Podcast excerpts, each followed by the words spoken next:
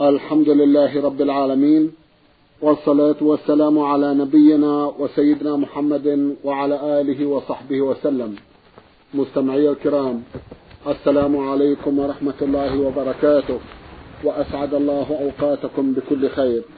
هذه حلقة جديدة مع رسائلكم في برنامج نور على الدرب. رسائلكم في هذه الحلقة نعرضها على سماحة الشيخ عبد العزيز ابن عبد الله بن باز. الرئيس العام لإدارات البحوث العلمية والإفتاء والدعوة والإرشاد. مع مطلع هذه الحلقة نرحب بسماحة الشيخ ونشكر له تفضله بإجابة السادة المستمعين. فأهلا وسهلا بالشيخ عبد العزيز. حياكم الله وبارك فيكم. حياكم الله. نعود مع مطلع هذه الحلقة إلى رسالة المستمعة أم هديل من العراق محافظة نينوى. أم هديل عرضنا بعض أسئلتها في حلقة مضت. وفي هذه الحلقة تسأل وتقول إنني أصوم وأصلي وأقرأ القرآن وعندي إيمان قوي بالله ولكني عندما أتذكر زوجي وابنتي التي تسأل عن أبيها أبكي بكاء بشدة. وقد أخبرتكم أن زوجي قتل في الحرب. أذهب إلى قبره. هل هذا حرام على المرأة أن تزور القبور؟ علما بأنني عندما أذهب إلى قبره أرتاح وأكف عن البكاء. هل الموتى يرون الأحياء كما يقال؟ وجهوني حول هذه القضايا. جزاكم الله خيرا. بسم الله الرحمن الرحيم. الحمد لله وصلى الله وسلم على رسول الله وعلى آله وأصحابه من اهتدى بهداه. أما بعد فأسأل الله لك الثبات على الحق. قد سرني كثيرا ما ذكرت من استقامتك على طاعة الله. وأبشري بالخير وعليك بالثبات على الحق والاستقامة على توحيد الله والإخلاص له والمحافظة على الصلاة في أوقاتها صوم رمضان وأداء الزكاة وغير هذا مما وجب الله عليك مع الحفاظ على الحجاب والبعد عن أسباب الفتنة. أما زيارة القبر زيارة قبر زوجك وزيارة القبور الصواب أنها لا تشرع للنساء بل تنهى عنها النساء. وإنما تشرع للرجال لقوله صلى الله عليه وسلم زوروا القبور فإنها تذكركم الآخرة. ولعن زائرات القبور عليه الصلاة والسلام من النساء. فالواجب عدم الذهاب إلى القبور. وأدعي له كثيرا في بيتك وأحسن إليه. بالدعاء والصدقة عنه. وأما زيارة قبره فلا حاجة إلى ذلك. والنياحة على ميت من الكبائر وتضره أيضا. أما دم العين فلا يضر. دم العين بدون صوت لا لا بأس. عند التذكر فدمع العين لا بأس. النبي صلى الله عليه وسلم لما مات ابنه إبراهيم دمعت عينه. العين تدمع وقلبه يحزن. ولا نقول إلا ما يرضي الرب. وإنا بفراقه إبراهيم محزونون فنوصيك بالصبر الجميل والدعاء له بالمغفرة والرحمة إذا كان مات على خير وعلى صلاح وعلى صلاح. الحمد لله. أحمد الله أنه مات على الإسلام وعلى المحافظة على الصلاة.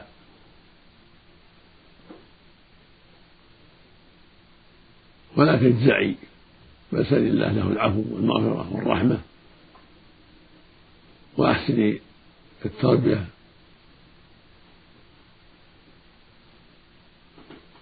لابنته.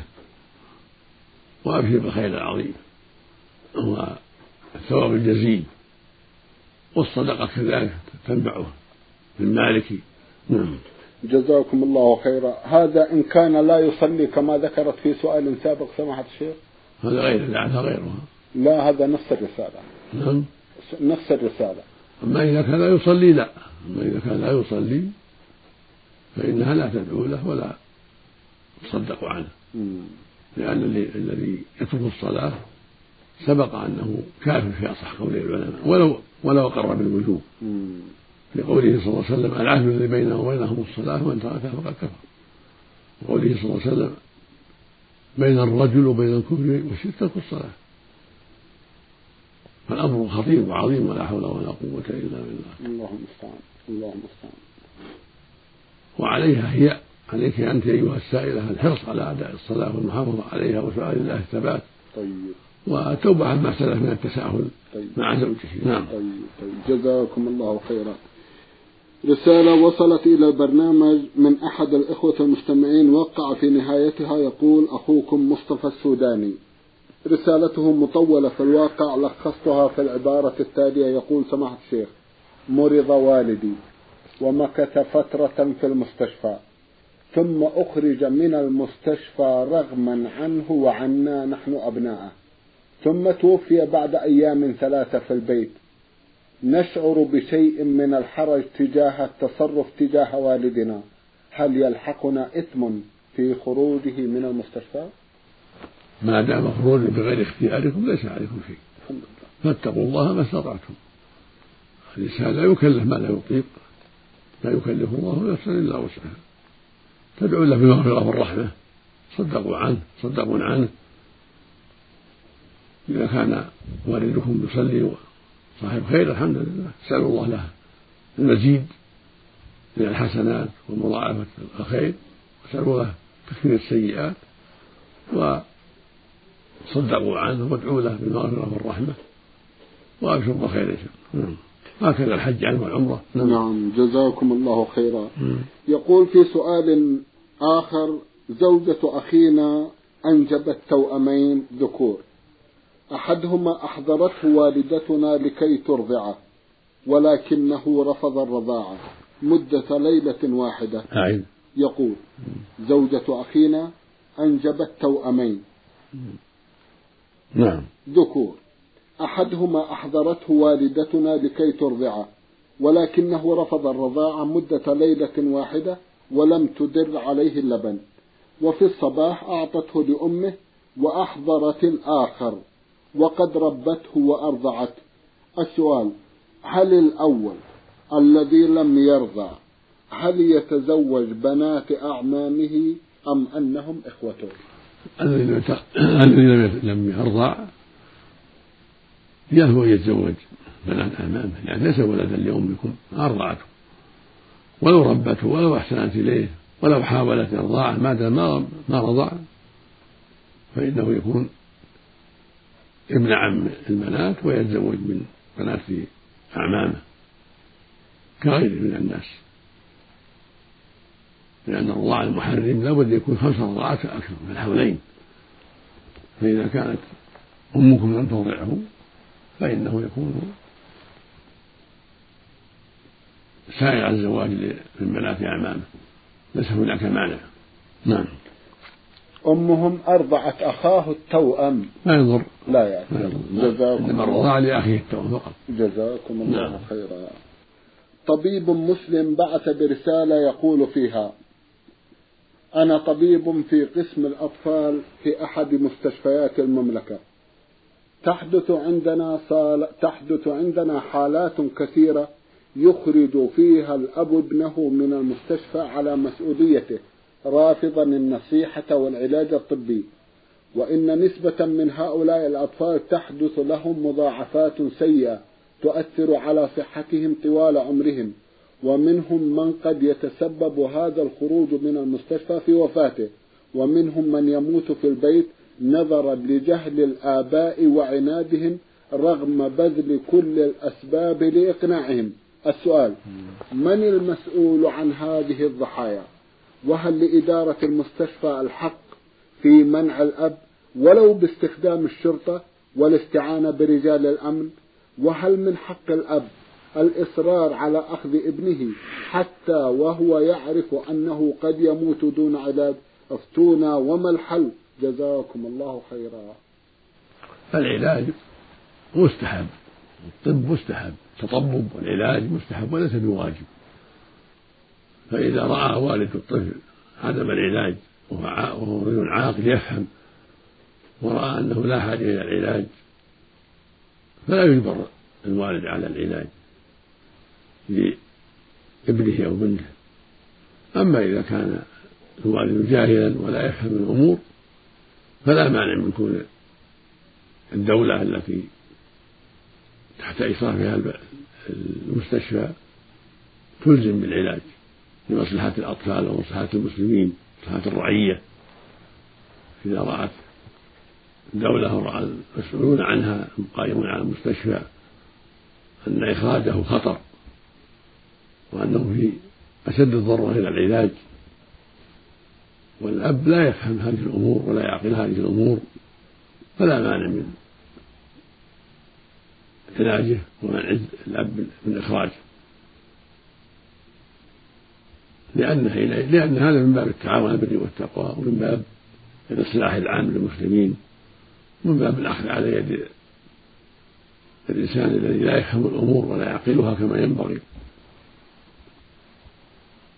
أما إذا كان والد له فهمه وله عقله وله دينه ولكن رأى أن هناك أسبابا تقتضي إخراجه فهو على مسؤوليته وعلى اجتهاده والله يغفر له إذا مات الطفل جزاكم الله خيرا.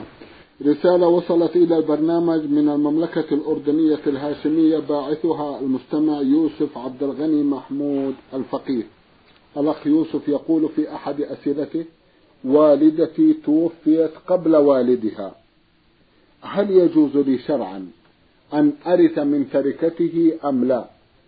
وإذا أخذت من تركته هل هو حلال أم حرام؟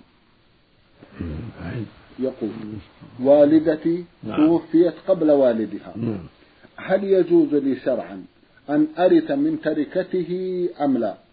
وإذا أخذت من تركته هل هو حلال أم حرام؟ ما دامت ماتت قبل والدها ليس لك حق. الورث لأولاده وورث الأحياء.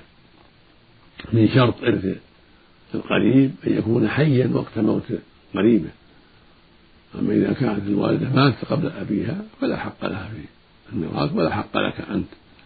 إذا كان له ورثة كبنين وبنات غير أمك هم أحق بالميراث وليس لك أنت حق ولا يجوز لك أن تأخذ شيئا من التركة بل يجب أن ترده إن أخذت شيئا تعطيه الورثة أما لو قدر أنه مات وليس وراءه أحد إلا أنت ولد بنته وليس له ورثة لا عصبة ولا أهل فروض هذا يجوز أن ترثه على قول بعض أهل العلم وهو الصحيح أنه يجوز أن يرثه الأرحام عند فقد الورثة من العصبة أو من أصحاب الفروض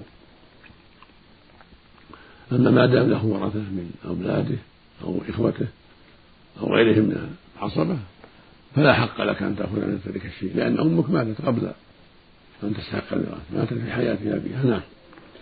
جزاكم الله خيرا. سؤال آخر يقول فيه رجل تزوج من امرأة وطلقها بعد أن دخل بها لعدم إنجاب الأطفال ثم تزوجت من آخر وهو تزوج من أخرى وكل منهما أنجب الأطفال. هل يجوز شرعا لابنه الزواج من ابنة امرأته السابقة التي طلقها ولم تنجب أو العكس؟ أجيبونا جزاكم الله لا لا بأس. الحمد لله. كون أولاده من الزوجة الجديدة يعني أبناء أهل يتزوجون من بنات الزوجة زوجة أبيهم سابقا من زوجها الأخير لا بأس بذلك. هذا لا يضر.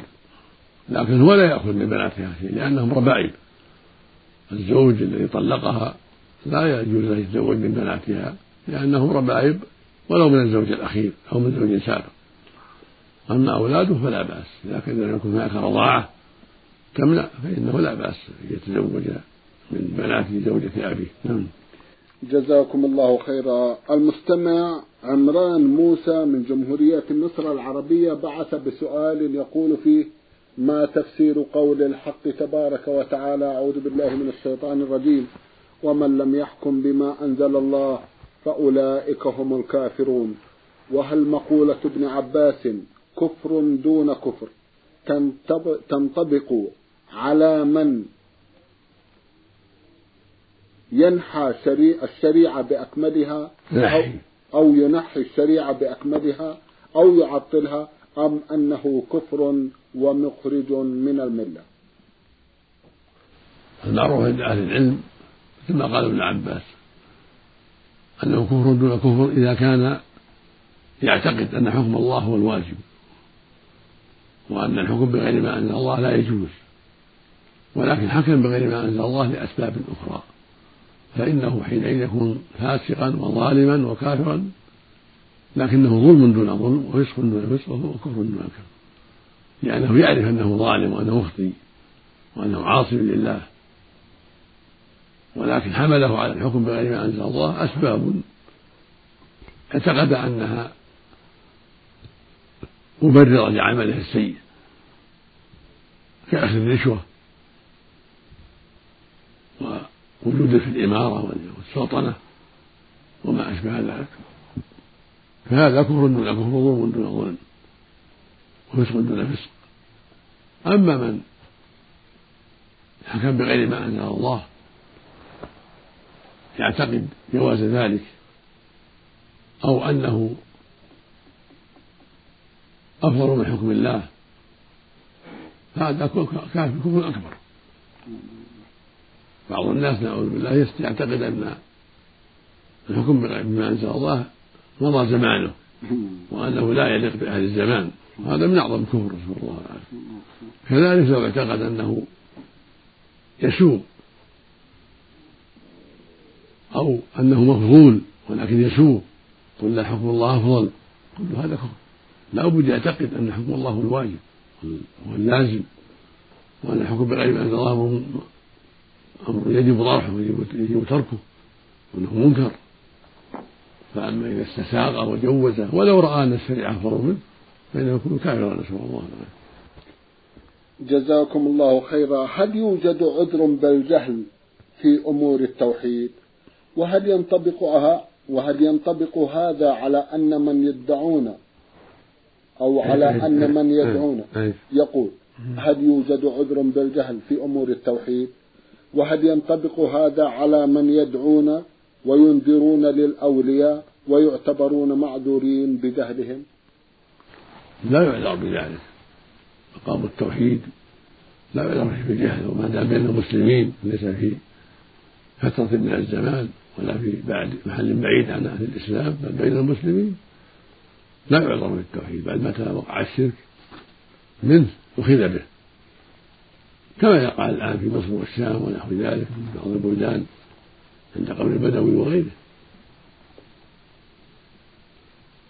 الواجب على علماء الإسلام أن ينبهوا الناس وأن يحذروهم من هذا الشرك وأن يعظوهم ويذكروهم في المساجد وغيرها. وعلى الإنسان يطلب العلم ويسأل ولا يرضى بأن يكون إمعة لغيره بل يسأل. الله يقول سبحانه فاسألوا أهل الذكر إن كنتم لا تعلمون. فلا يجوز للإنسان أن يبقى على الكفر والشرك لأنه رأى الناس على ذلك ولا يسأل ولا يتبصر. وقد ثبت عن النبي صلى الله عليه وسلم أنه قال إن أبي وأباك في النار لمن سأل عن أبي قال إن أباك في النار. فلما رأى تغير وجهه قال إن أبي وأباك في النار. وأبوه مات في الجاهلية رواه مسلم في الصحيح. لأنهم كانوا على شريعة تلقوها عن خليل الله إبراهيم عليه الصلاة والسلام وهي التوحيد. وأمه عليه الصلاة والسلام ماتت في الجاهلية. واستأذن ربه أن يستغفرها فلم يؤذن له. واستأذن يزورها فأذن له. فدل ذلك على أن من مات على كفر لا يستغفر له ولا يدعى له وإن كان في الجاهلية. فكيف إذا كان بين المسلمين وبين أهل التوحيد وبين من يقرأ القرآن ويسمع حديث الرسول صلى الله عليه وسلم. هو أولى بأن يقال في حقه إنه كافر ولا حكم الكفار.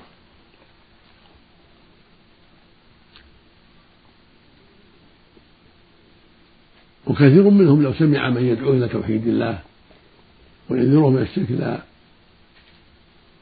أنف واستكبر وخاصم أو ضارب على دينه الباطل وعلى تقليده لأسلافه وآبائه ولا حول ولا قوة إلا بالله. فالواجب على كل إنسان مكلف أن يسأل ويتحرى الحق ويتفقه في دينه ولا يرضى بمشاركة العامة والتأسي بهم في كفرهم وضلالهم وأعمالهم القبيحة. وعليه يسأل العلماء يعتني بالعلم. عن ما أشكل عليه من أمر التوحيد وغيره. فاسألوا أهل الذكر إن كنتم لا تعلمون.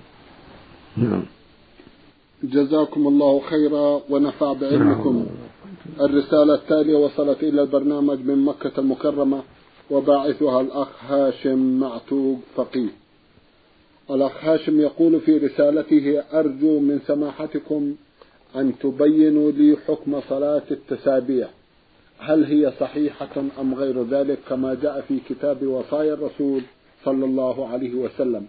وإذا كانت صحيحة أرجو من سماحتكم توضيح عدد الركعات وعدد السجدات. جزاكم الله خيرا. صلاة التسبيح قد تأملناها كثيرا. وتأملناها أيضا مع لجنة دائمة للبحوث العلمية والإفتاء ورأينا جميعا عدم صحتها. صلاة التسبيح ليست صحيحة. ليست وطرقها كلها ضعيفة. ومتنها منكر. مخالف للأحاديث الصحيحة ومخالف لما كان عليه النبي صلى الله عليه وسلم في عباداته. فالواجب عدم التعلق بها وعدم فعلها لأنها من البدع المحدثة في الدين.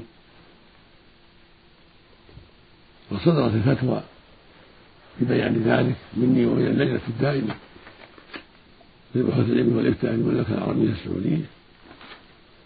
المقصود أن صلاة التسبيح التي اشتهرت بين الناس لا أساس لها من الصحة.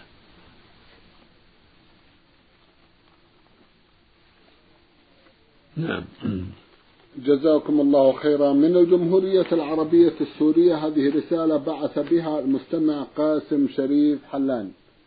يقول إن بعض العلماء عندنا في سوريا يدعون أحيانا ويقولون اللهم أجرنا من فتنة المسيح الدجال.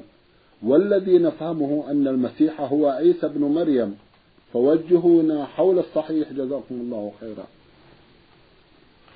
كل كلاهما يقال له مسيح. فالدجال مسيح وعيسى بن مسيح. مسيح الدجال مسيح ضلالة. من دعاة الفتنة والشر والفساد في آخر الزمان. يخرج على الناس من جهة الشر. ويدعي أنه نبي ثم يدعي أنه رب العالمين ومعه بعض الخوارق. فالنبي صلى الله عليه وسلم حذر من فتنته وشرع لنا أن نستعين بفتنته في آخر الصلاة في آخر كل صلاة. وفي دعائنا. وقال صلى الله عليه وسلم ما بين خلق آدم إلى قيام الساعة أعظم من الدجال. في الأرض أمر أمر أعظم من أمر الدجال. فالدجال له فتنة عظيمة. وهو هو أعور العين اليمنى. مكتوب بين عينيه كافر فالواجب سؤال فالمشروع للمؤمن سؤال الله العافية. فتنته في صلاته كما شرع الله لنا ذلك. يجب على المؤمنين والمؤمنات أن يعرفوا الفرق بين هذا وهذا. فالدجال مسيح ضلاله ومن دعاة الباطل والشر والكفر والضلال يدعو الناس إلى أنه رب العالمين. فالواجب على من أدركه أن ينكره وأن يكذبه وأن يبتعد عن فتنته. نسأل ربه العافية. وأما المسيح ابن مريم فهو عبد الله ورسوله. أرسله الله إلى بني إسرائيل وأنزل عليه كتابا عظيما وهو الإنجيل يدعوهم إلى توحيد الله وإلى اتباع التوراة وما فيها والإنجيل. خلقه الله من أنثى بلا ذكر من مريم الصديقة رضي الله عنها. قال الله له كن ما كان فليس له أب بل خلقه الله بقدرته العظيمة أرسل جبرائيل إلى مريم فنفخ فيها فحملت بإذن الله.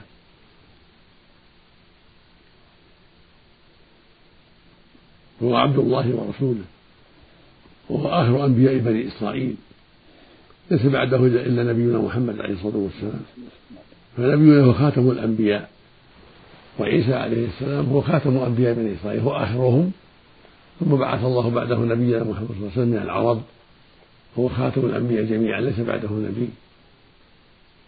وينزل عيسى في آخر الزمان يحكم بشريعة محمد عليه الصلاة والسلام ويقتل الدجال يلتقي به في فلسطين ويقتله. ومعه المسلمون مع عيسى المسلمون. ثم يموت عيسى عليه الصلاة والسلام كما قال عز وجل في قصة عيسى وإن من أهل الكتاب إلا ليؤمن ليؤمن به قبل موته. يعني في آخر الزمان عند نزوله قال قبل ذلك وما قتلوه وما صلبوه ولكن شبه لهم فالمؤمن يؤمن بأن عيسى بن مريم هو رسول الله وعبد الله ورسوله. ويصدق برسالته.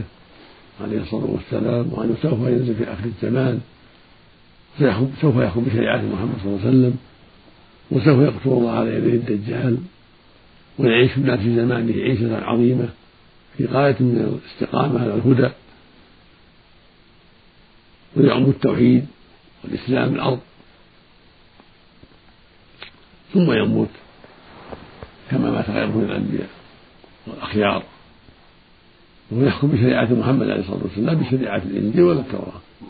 يحكم بشريعة محمد صلى الله عليه وسلم. والله المستعان. نعم. الله المستعان. جزاكم الله خيرا. رسالة وصلت إلى البرنامج من المستمعة ألف ألف الزاوي من طرابلس في ليبيا. أختنا لها عدد من الأسئلة من بينها سؤال تقول فيه. أرجو من سماحتكم أن تتفضلوا بإبداء رأيكم حول مؤلفات أبي الأعلى المودودي وأبي الحسن الندوي وسيد قطب. كلها كتب مفيدة. كتب هؤلاء الثلاثة رحمهم الله كلها كتب مفيدة. فيها خير كثير. ولا تخلو من بعض الأغلاط كل إنسان يؤخذ من قوله ويترك. ليست ليسوا معصومين. فطالب العلم إذا تأملها عرف ما فيها من الأخطاء وما فيها من الحق. وهم رحمهم الله قد اجتهدوا في الخير ودعوا إلى الخير وصبروا على المشقة في ذلك. وأبو الحسن موجود بحمد الله وفيه الخير كثير ولكن ليس معصوما ولا غيره من العلماء. بالنسبة للرسل عليهم الصلاة والسلام ما يبلغون عن الله. الرسل عصمهم الله في كل ما يبلغون عن الله. وهكذا الأنبياء. أما العلماء كل عالم يخطئ ويصيب. ولكن بحمد الله صوابهم أكثر وقد أفادوا وأجازوا نفعوا الناس. يقول مالك رحمه الله من أنس إمام دار الهجرة في زمانه نعم. ما منا إلا رأد ومردود عليه إلا صاحب هذا القبر يعني الرسول عليه الصلاة والسلام فالمؤمن يطلب العلم وهكذا المؤمنة تطلب العلم وكل واحد يتفقه في الدين ويتبصر ويفعل ما أشكل عليه يقرأ القرآن يقرأ السنة يعتني حتى يعرف الحق بأدلته وحتى يعرف الغلط إذا غلط العالم. ولا يجوز أن يقال هذا فلان العالم الجليل ويقال قوله كله من دون نظر. لا بل لابد من النظر والعناية وعرضها الأدلة الشرعية فوافقها. قبل وما خالف الأدلة الشرعية ترك. وإن كان عظيما وإن كان له أجر عظيم وإن كان مجتهدا في الخير وإن كان مشهورا. نعم. جزاكم الله خيرا. سماحة الشيخ في الختام أتوجه لكم بالشكر الجزيل بعد شكر الله سبحانه وتعالى على تفضلكم بإجابة السادة المستمعين وآمل أن يتجدد اللقاء وأنتم على خير.